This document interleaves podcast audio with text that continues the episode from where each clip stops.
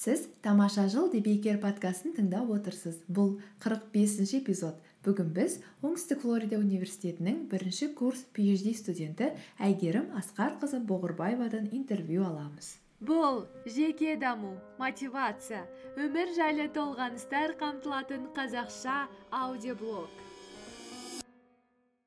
Бұл күн шуағымен жарыса оянып күнін жаңа идея мен қуанышпен бастағысы келетіндердің қоғамы. Өмір тамаша бақытты болу бақытты болу ол біздің таңдауымыз біздің таңдауымыз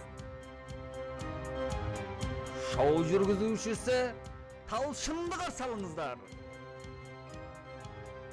барлықтарыңызға сәлем бүгін аптаның қай күні иә жұма күні жұма күні мен сіздерге уәде бергенімдей интервью алатын боламыз интервьюді кімнен аламын деген сұрақ мені әрине мазалады. Мазалау барысында интервьюді алыстан арбалағанша жақыннан дорбала деп өзімнің жақын достарымнан таныстарымнан бастауды жөн деп санадым. Және тарихтағы ең тамаша оқиғалардың бірі бүгінгі біздің подкастымыздың ең алғашқы қонағы ол менің жақын құрбым әйгерім болмақ. Әйгерім қазіргі таңда ақш тағы оңтүстік флорида университетінде оқиды. Ол бірінші курс phd студенті. Оның мамандығы индастриал инжиниринг яғни өнеркәсіптік инжиниринг. Әйгерім бұл phd бағдарламасына университеттің атынан яғни оңтүстік флорида университетінің атынан берілетін арнайы гранттардың бірін ұтып алу арқылы түсті. Қазіргі кезеңде ол университетте оқу оқиды және онда жұмыс істейді. Әйгерім екеуміз қазақстан британ техникалық университетінде бакалавр бағдарламасында оқып жүрген кезімізде танысқан болатынбыз. Одан кейін оның барлығы достыққа ұласып достығымызға талай жылдар өтті. Жеті жылдай уақыт. Осы жеті жылдың ішінде әйгерімді қажырлы талапты өзінің айтқанынан қайтпайтын еңбекқор білімді қыз ретінде танимын. Ал оның жеке қасиеттерін айтпай ақ та қояйын. Солардың барлығын ескере отырып өзімнің подкастымның алғашқы қонағы болуға лайықты деп оны шақырдым. Ал ендеше бастайық.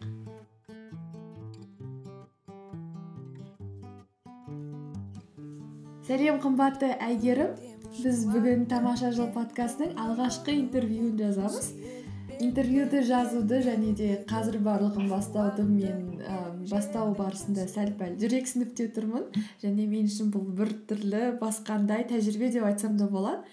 А, алайда сенімен болған интервьюдан кейін барлығы жақсы болып көптеген тыңдармандарымыз өзіне мотивация алады деп үміттенемін. Сәлем.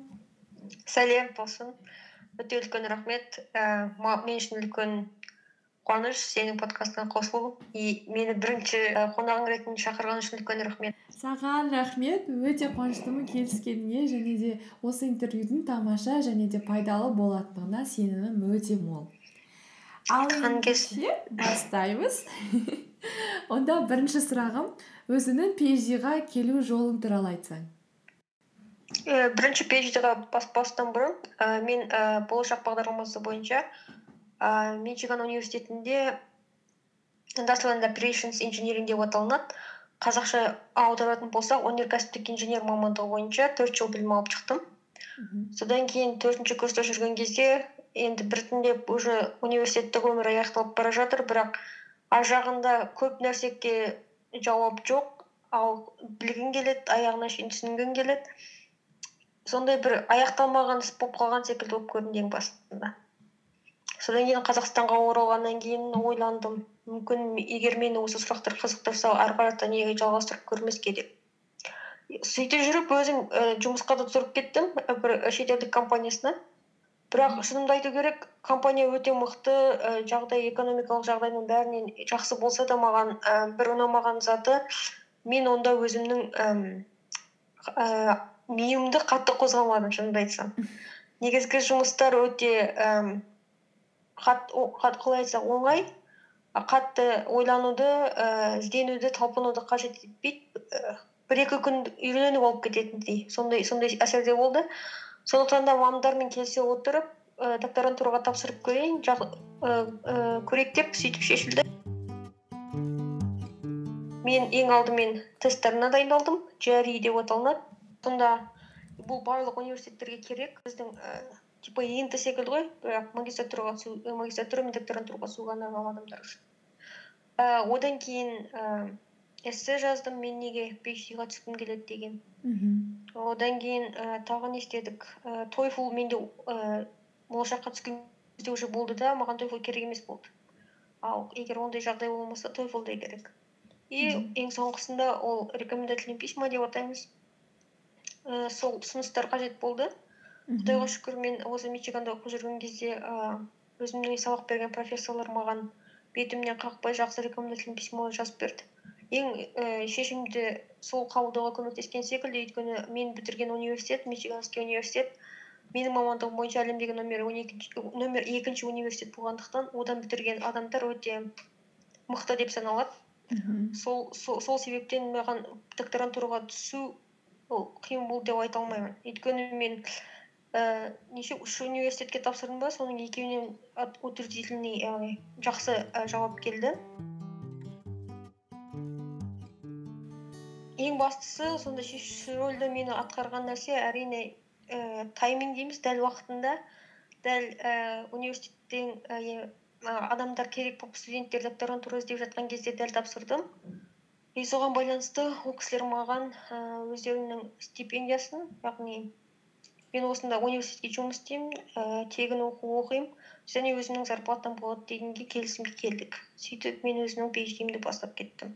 Бұл жерде ең бастысы і әрине өйткө- ііі қаржы мәселесі өйткені оқуға көп адам келеді бірақ университеттер көп жағдайда толығымен докторантура студенттеріне ақша тауып барлығына тауып бере алмағандықтан олар ііі жағдайға қарайды. Сол себепті ең бірінші ііі бәсекелестік осы ақшаға яғни менде ііі зарплата бола ма мен қалай өзімді өзім сақтаймын деген сұрақтар туындайды. Ол үшін сіздер міндетті түрде application яғни жазған кезде қандай тәжірибелеріңіз болды қандай і конкурстардан ұттыңыз қандай гранттардан ұттыңыз одан кейін не болмаса қандай да бір зерттеумен айналыстыңыз ба соның барлығын көрсетсеңіздер осының барлығын ескере отырып олар кімге ііі қандай стипендия тағайындау керек екендігін өздері ақырындап шешеді. Соның арқасында ііі міне қазір өзімнің докторантурамның бірінші і семестрін аяқтадым.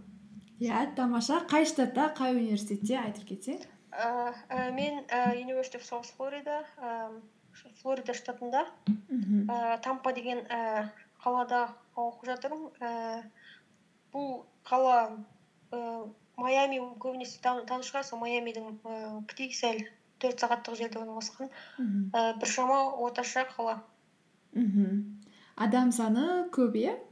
Адам саны үш жүз мыңнан асады. Біздің өскеменнен үлкен бірақ қарағанды мен шымкенттен кішкентай болатын жер шығар. Жақсы теңеу көп көп рахмет. А, және де ол жерде әрине а, жаңағы мұхит бар иә оның жанындағы пальмалар ағаштар және де флориданың Иә, тамаша ауа Ә, райында тамаша сабақ білім де алуға болады. Мен де басында ойлағанмын бұл мұхитқа шығады деп. Бірақ негізінен бұл мексиканский залив мексика шығанағына шығады. Ііі, иә иә иә иә. мұхитқа толық қатынас жоқ. Толық қатынас жоқ шығанақ арқылы ғана шығасың иә иә. Иә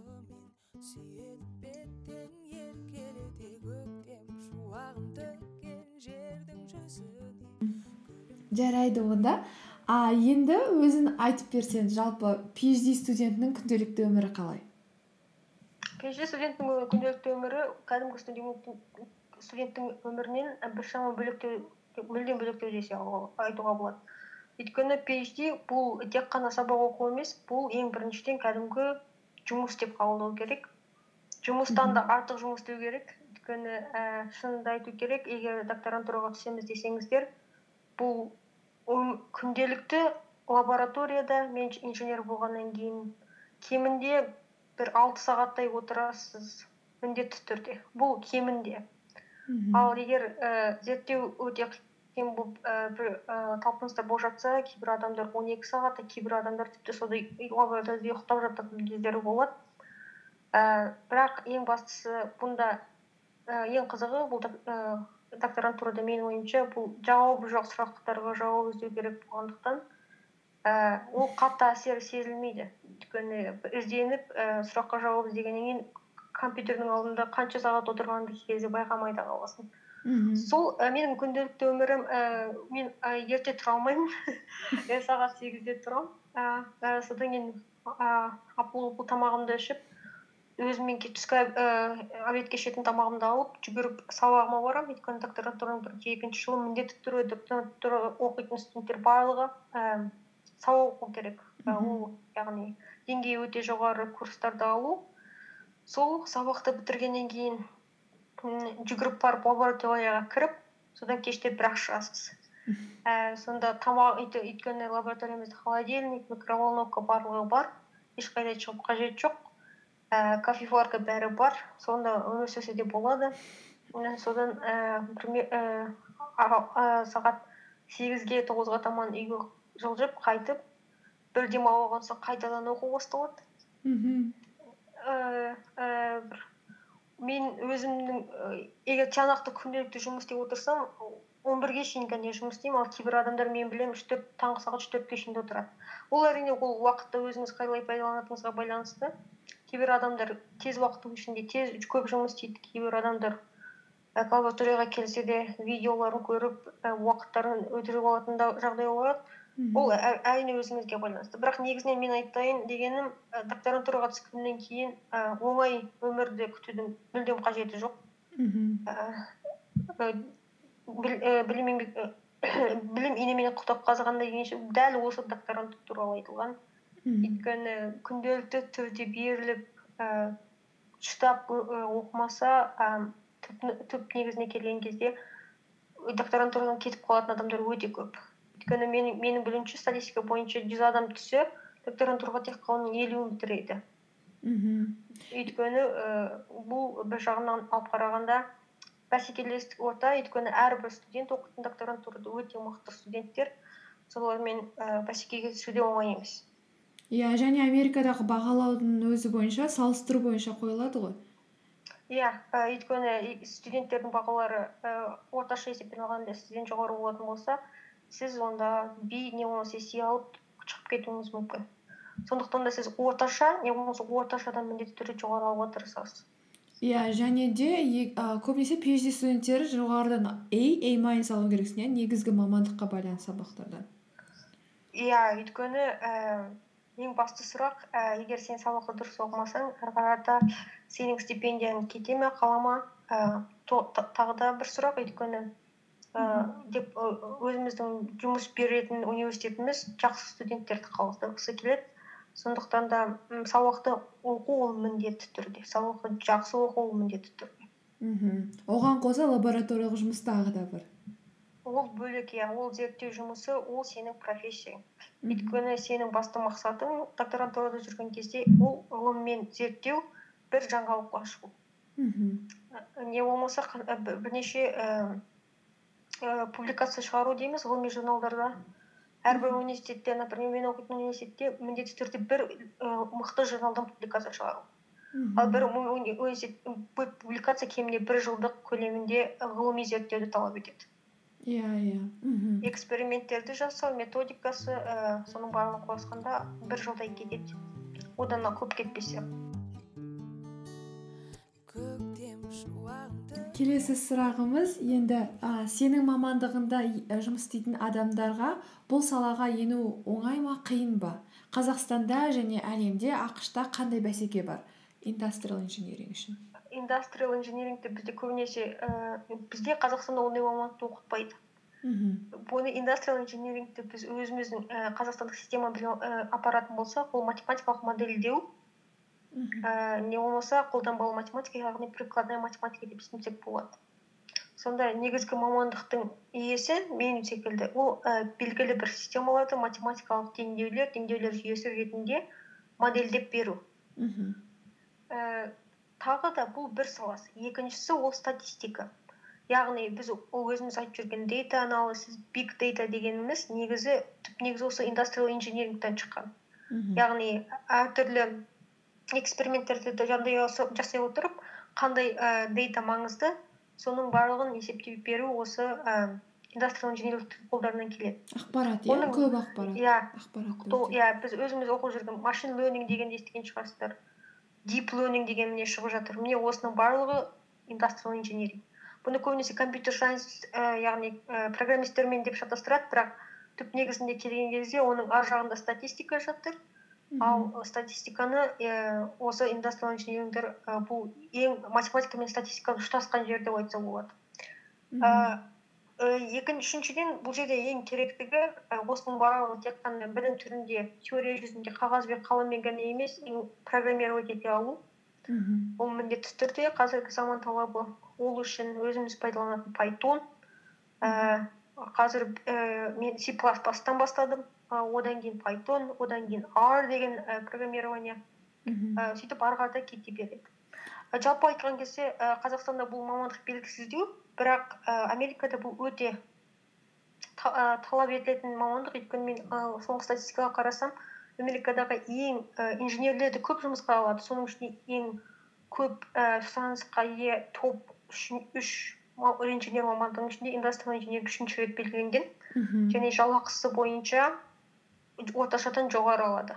І Мгм. өйткені і бұның басты себебі мен айтып кеткендей математика статистика және программированияның үшеуін ұштастыра отырып белгілі бір нәтиже бере алатындықтан яғни анализден өте жақсы болғандықтан і бұл мамандыққа сұраныс өте көп. Сонда сенің мамандығын математика статистика және бағдарламалау тілдерін қолдана отырып оны өнеркәсіптегі белгілі бір тиімділікті арттыруға бағытталады Иә. І бұл жерде өнеркәсіп деп кәне индастриал деген сөзден кейін біз көбінесе өнеркәсіп деп түсінеміз. Мгм. ал негізінде ол банк саласында маркетингта болсын. Кез келген і операция. кез келген жерде ең бастысы бізге керегі ол дата Мгм. ақпарат. Ақпарат. Мгм. өзіміздің біліміміз яғни оны сол дейтаны анализ жақсы жасай алатын математика мен статистика керек біз. Біздің оқытылатынымыз сол болғандықтан біз дейта болса болды. Кез келген қай салада яғни кез келген процесстің тиімділігін арттыруға байланысты иә? Иә нақты айттыңыз иә. Жарайды. Енді ә, жаңа өзің де бір бастап айттың қандай бағдарламалау тілдерін үйрендім деген сияқты иә? Жалпы осы өнеркәсіптік инженеринг индастриал инженеринг мамандығының жақсы маманы болу үшін қандай м, қандай іскерліктерге қандай дағдыларға ие болу керек деп ойлайсың? Ііі, ең бастысы ол математикалық модель і модельдей білу яғни бізге қазақ тілінде немесе ағылшын тілінде бір сөйлем айтып беретін болса соны математика тіліне аудара алу. Мхм оны біз көбінесе і мәселені есептеп келеді ғой ііі бесінші сыныптан бастап па сөйтіп сондай есептерді шығарып жүрдік. Сол негізі математикалық модельдеудің ең і қарапайым түрлері. Мхм ііі сол арқылы і оны көбінесе не арқылы шешуге болады ең бірінші ондай кітаптар деген толып жатыр. Тек қана соны алып ііі есептерін практиковать етіп шығарып көрсеңіз болды. Бұған енді міндетті түрде отырып өз, өзіңізбен өзіңіз отырмасаңыз математикалық моделированияны і бір адамға түсіндіру өте қиын. Ол қабілет деп айтса болады. Мхм екіншісі ол статистика. Статистика оңайырақ. Ііі статистиканы өзіңіз білетіндей кез келген кітаптардан алып не болмаса онлайн түрде қарап ііі мхм сол ықтималдықтар теориясынан бастап ақырындап ақырындап жылжи берсеңіз аты шулы машин лернингтің түп негізі сонда жатыр. Сондықтан да ііі сол қарапайым математика қарапайым статистикадан басталады барлығы. Мхм бірақ сол кезде отырып ііі ар- біртіндеп біртіндеп ііі программированияны қолдана беру керек. Міндетті түрде pythonды білсеңіз міндетті түрде python жеткілікті деп ойлаймын. Бірақ а, одан ары қарата бір тілді білсеңіз жеткілікті негізі. Нақты білсеңіз. Мхм. Не программированиядан мхм. Сол і, ең бастысы аналитикалық қабілет керек. Мхм.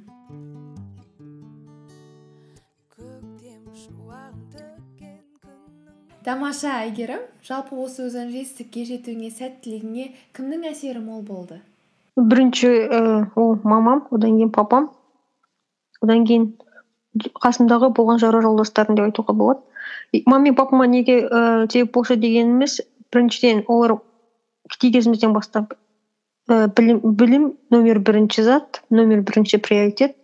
Үй жұмысын істемесең істемей ақ қой бірақ сабағыңды міндетті түрде жақсы оқы сөйтіп егер сен сабақ жақсы оқысаң ары қарата өз өміріңді өзің сақтайсың жұмысты таба аласың өз өзіне тәуелсіз басқа ешкімге тәуелсіз боласың дегендей сөйтіп нақты бағдар болды.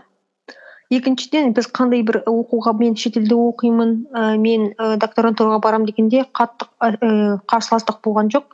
Өйткені ол кісілер мін- міндетті түрде қолдап отыр. Екінші жолдастар дейтінім менің қасымда өте мықты ә, адамдар көп кездесті деп айтуға болады. Өйткені мен өзім физмат мектепті бітірген кезде менің қасымда оқыған оқушылар әлі күнге шейін менің өмірімде кездескен ең мықты студенттер деп айтсам болады. Бізде қатты бәсеке болды класстың ішінде әлі күнге шейін. Ііі әлі есімде. иә? Иә ііі бізде кім есепті тез шығара алады екен кім дұрыс шығара алады дегенге кәдімгідей енді конкуренция деген кәдімгі біз бір бірімізбен сөйлеспейміз. Отырып алсақ та бір бірімізді конкурент екенімізді білеміз бірақ есепті талас тарталаса шығардық. Соның арқасы деп ойлаймын өйткені осындай ііі бәсекенің арқасында ііі жалқауланып бара жатсаң да мен не бірінші болмаймын ба дегендей ііі алдыға өз өзіңді ііі қудалап сөйтіп і ақырында міне тіпті осы күнге шейін соның і нәтижесін көріп жатырмыз деп ойлаймын. Мхм. Демек ақш та ғана емес қазақстанда да бәсекелік орта жасауға болады иә? Менің ойымша қазақстандағы бәсеке ә, менің классымда мына жақтан қарағанда көбірек болған секілді. Мүмкін мен кти кти болғаннан кейін енді ол кезде максималды түрде қараймыз ғой. У нас қазір өскеннен кейін более упрощенно дейді ііі более жай қарайтын шығармыз. Бірақ кти кезімізде ол әсіресе он бірінші оныншы сыныпта инт кезінде кім көп балл жинайды деген енді біз үшін өмір не болмаса өлім сұрағы болды. Сол кезде мен ең ең қызықтысы і менің конкурентім болған бір бала. Екеуміз де бірдей балл жинадық. Жүз жиырма үш те жүз жиырма үш. Дәл сол соңғы битвамызда соңғы шайқас иә. Одан кейін көңіліңіз қалмады ма? Одан екеуміз де апелляцияға кірдік. Жүз жиырма бес неге алмадық деп иә. Одан бірақ екеумізге де апелляциядан ешкімге қосылған жоқ. Жүз жиырма үш болып екеуміз де бір университетке қайтадан сокурсник болып түстік. Одан кейін бірінші курстың өзінде бір бірімізден қайтадан ііі немене болып ііі конкурент болып. Ол ііі gpa ға таласып кім төрт те ноль жасайды екен деп. І сол төрт те нольді мен жасап үлгеріп кеттім. Ол кейін мені қуып жетті ғой деймін. Бірақ бірінші бірінші ііі курстан кейін қайтадан өте жақсы дос болып кеттік. Онда уже конкуренция болған жоқ иә. Иә бәсекенің болған өзінде таза бәсеке деп айтсақ болады иә. Ешкім ешкімнің аяғынан тартпайды әркім тек өзін мықты етуге жұмыс істейді және тек соңында ғана бір қарап қоясың иә жан жағыңа не болып жатыр деген сияқты. Ең бастысы бұл конкуренция өте әділетті болды. Бізде ііі бағамды і көшіріп алу арқылы көтеремін деген тема ол ііі қалай айтсақ әділ емес. әділ емес. Егер өйтетін болсаң сен өзіңнің ііі честіңді жоғалтасың да деген деңгейде ғой.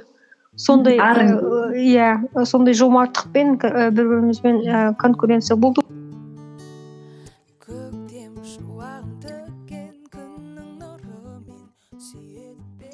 жаңа ғана әйгерім группаласың деп айтып жатыр менің есіме оқиға түсіп кетті. Әйгерім қазақстан британ техникалық университетінде бастапқы бакалавр курсын бастаған болатын мұнай газ мамандығында. Алайда алғашқы екі жылдан кейін ол барлығын тастап болашақпен шетелге кетті. Және ол нөлден бастады ағылшын тілі одан кейін төрт жылдық білімі яғни жиырма жасында. Көп адамдар әйгерімге айтты неге? бастаған ісіңді аяқтамай кетіп бара жатырсың. Екі ақ жылың ғана қалды ғой енді міне дипломды аласың деп. Алайда әйгерім ешкімге қарамай оқуын бастады кетті. Саған сондай шешім қабылдауға не себеп болды? Және сен бәріне қарамай қалай алға қарай жүрдің? Ііі ең бірінші егер сіз бір нәрсені дұрыс деп шешсеңіз ешкімді тыңдап қажет жоқ. Бұл номер менің бірінші правилам. Білмеймін бұл кей кезде дұрыс болып та шығады кей кезде де бұрыс болып та шығады. Бірақ ең бірінші менің ақылдасатыным ол менің мамам папам екі сіңілім ііі болды. Егер ол кісілер келісім берсе маған ііі жан жақта адамдар не деп айтып жатқаны ешқашан да маңызды болған емес. Мен сіздерге де солай жауап айтайын. Егер сіздер өзіңіз бірдеңкеге ұмтылғыңыз келсе егер солға дұрыс деп шешсеңіз ешкімді тыңдап қажет жоқ. Иә расымен де мен үш жыл уақытымды жоғалттым. Басты себебі менің ақшқа кетуімдегі менің маманайшыны мамандығын геология сабағын бастағаннан кейін мен мына мамандық менікі емес деген шешім утверждение полностью келді. Өйткені сабақ қызықсыз минералдардың аттарын жаттап отыратын тас тастардың аттарын жаттап отыру келген жоқ. Содан кейін мен айттым бұл мен менің мамандығым емес деп. Ал мен өзім ұнатпайтын мамандықпен кейін қалай өмір сүрмекшімін? Сол ең екінші одан кейін мен әрқашанда шетелде оқығым келген. Ііі менің ата анам менің шетелде оқығысы келген өте жақсы қалады әсіресе папам.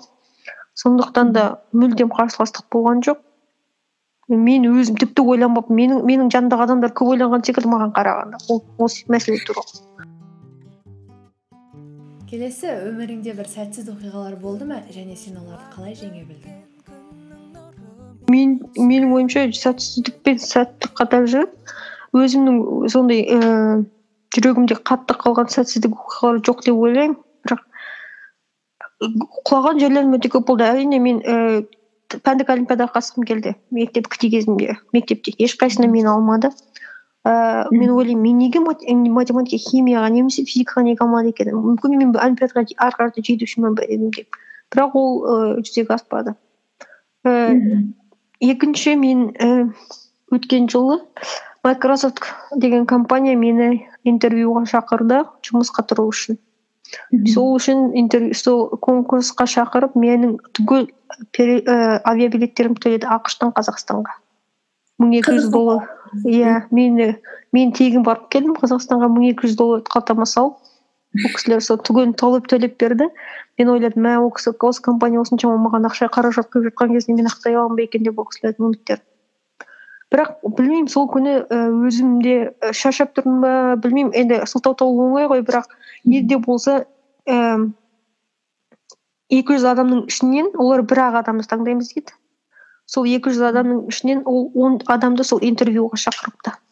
Сол он адамның ішінен мен ііі тайталасқа тайталасқа түсіп екінші или үшінші болып келдім бірақ бірінші орынды басқа адамға берілді.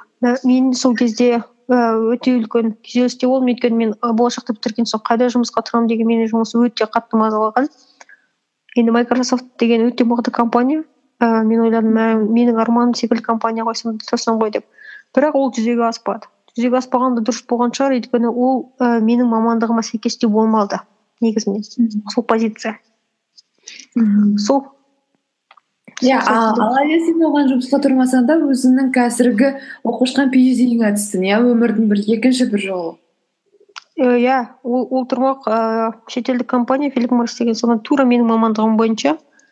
Как раз мамандықтар іздеп жүр екен. Мамандар іздеп жүр екен как раз мен соған түсіп кеттім керісінше. Сол иә. ол бір жағынан ііі өкініп қажеті жоқ. Егер болмаса болады қайырлысы деген сөз ііі дәл сәйкес келетін секілді осы кезде. Сол кезде мен білемін мамамен телефонмен мамамен өтпей қалдым.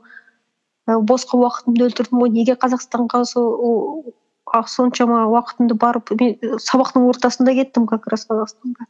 Бекер уақытымды өлтіріп алдым ба экзаменін тапсыруым керек деп сонда мамам айтқаны сен ұтылған жоқсың сен ұттың деп айтты маған білмеймін содан кейін барып өз өзімді қолға алып қайтадан жұмыс іздей отырып әйтеуір жұмысқа кіріп кеттім. Шынымен де қандай қызық иә? бір аялдамалар бізге арналмаса да келесісі бізге арналуы мүмкін. Сонда өмір шыдамдылықты сынайды ма?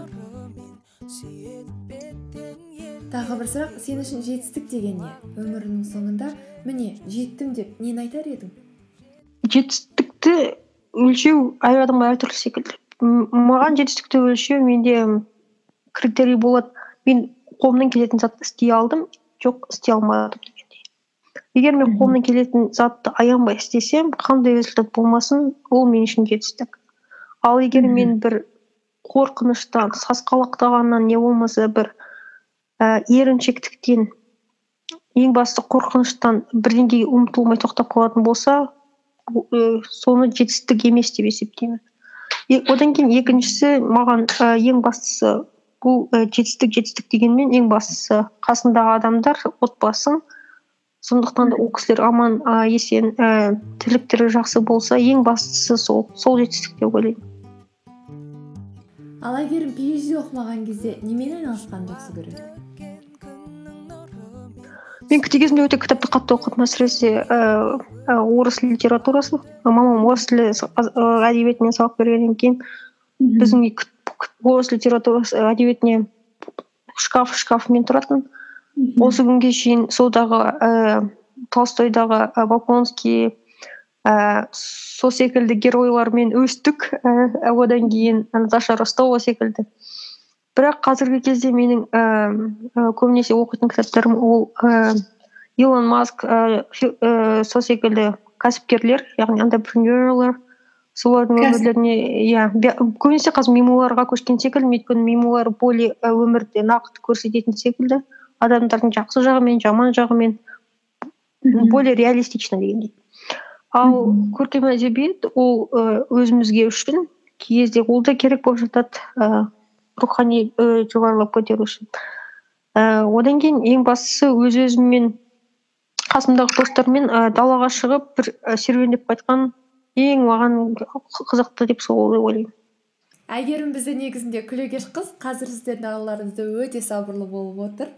А, онымен бірге шынымен де серуендеген әңгіме айтқан ой талқылаған әрқашан қызық. Осы кезде мен сіздерге айтатыным ең бірінші досты табу өте ііі студент кезінде и мектеп кезінде ғана болатын секілді менің ойымша. Одан кейін табу өте қиын. Сондықтан да достарыңызды тапсаңыздар оларды сақтай біліңіздер. Ал егер қазір жоқ болса іздей беріңіздер. Өйткені дос өмір бойы керек болады. І кей кезде ііі туыстарыңыздан қарағанда достарыңыз сіздерге жаны ашып көмектескен менің жағдайымда өте көп кездесті. І мен қандай бір проблема болатын болса жүгіріп сол ііі көмек сұраған кезде бетімнен қайтарып көрген жоқ. Сондықтан да дос дос таба білу ол үлкен байлық оны жоғалтпаңыздар.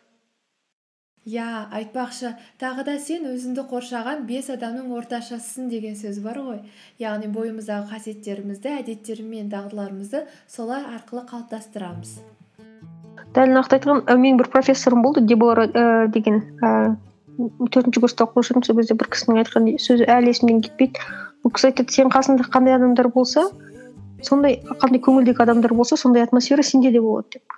Егер сенің достарың позитивті ойлайтын болса позитив көбеюге яғни бірінен бірі жұғуға қабілеті болса сол секілді негативті. Егер бір адам негатив болса ол жұғуға қабілеті сондай вирусный инфекция секілді дейді. Сол рас секілді өйткені і негативті і тез көбейеді позитивті тез көбейеді. Қасыңдағы адамдарға байланысты. Сондықтан да мен адамды таңдаған кезде ең бірінші қалай болатынын білмеймін. Табиғи жолмен тек қана өзіме ұқсас адамдар алатын секілді сұрыптау. Ал а көп адамға солай болатын секілді. Сондықтан да қасындағы адамдарыңызды қадірлей де қадірлей де білген дұрыс бірақ таңдай да білген дұрыс. Себебі ііі кейін ол кісілер сіздерге өте үлкен рөл атқаратын болады. Сіздер байқауларыңыз да мүмкін байқамауларыңыз да мүмкін. Бірақ ол кісілер сіздерге не деп айтады? Әйтеуір миларыңызда қалып кейін подсознательно бірдеңке бірдеңкеге апаратыны сөзсіз осымен болды әйгерім бүгінгі менің подкастымның күні мен жарығы энергиясы болғаныңа саған үлкен рахмет. Сенің ойың өте пайдалы және де қызықты болды деп ойлаймын. Айтқан келсін айтқан сөздерің лайықты болды деп ойлаймын. Егер і і скучно болса яғни спи- ничего страшного но і айтқан сөзді ііі тыңдағандарыңызға рахмет. Сіз тамаша жыл бекер подкастын тыңдадыңыз. Бүгін біз монологтар емес интервьюлар жүйесінің алғашқы подкастын бастадық. Болашақта қателерімізбен жұмыс жасай отырып сіздерге тамаша подкасттар ұсынуды ары қарай жалғастырамыз. Менімен бірге болғандарыңызға рахмет.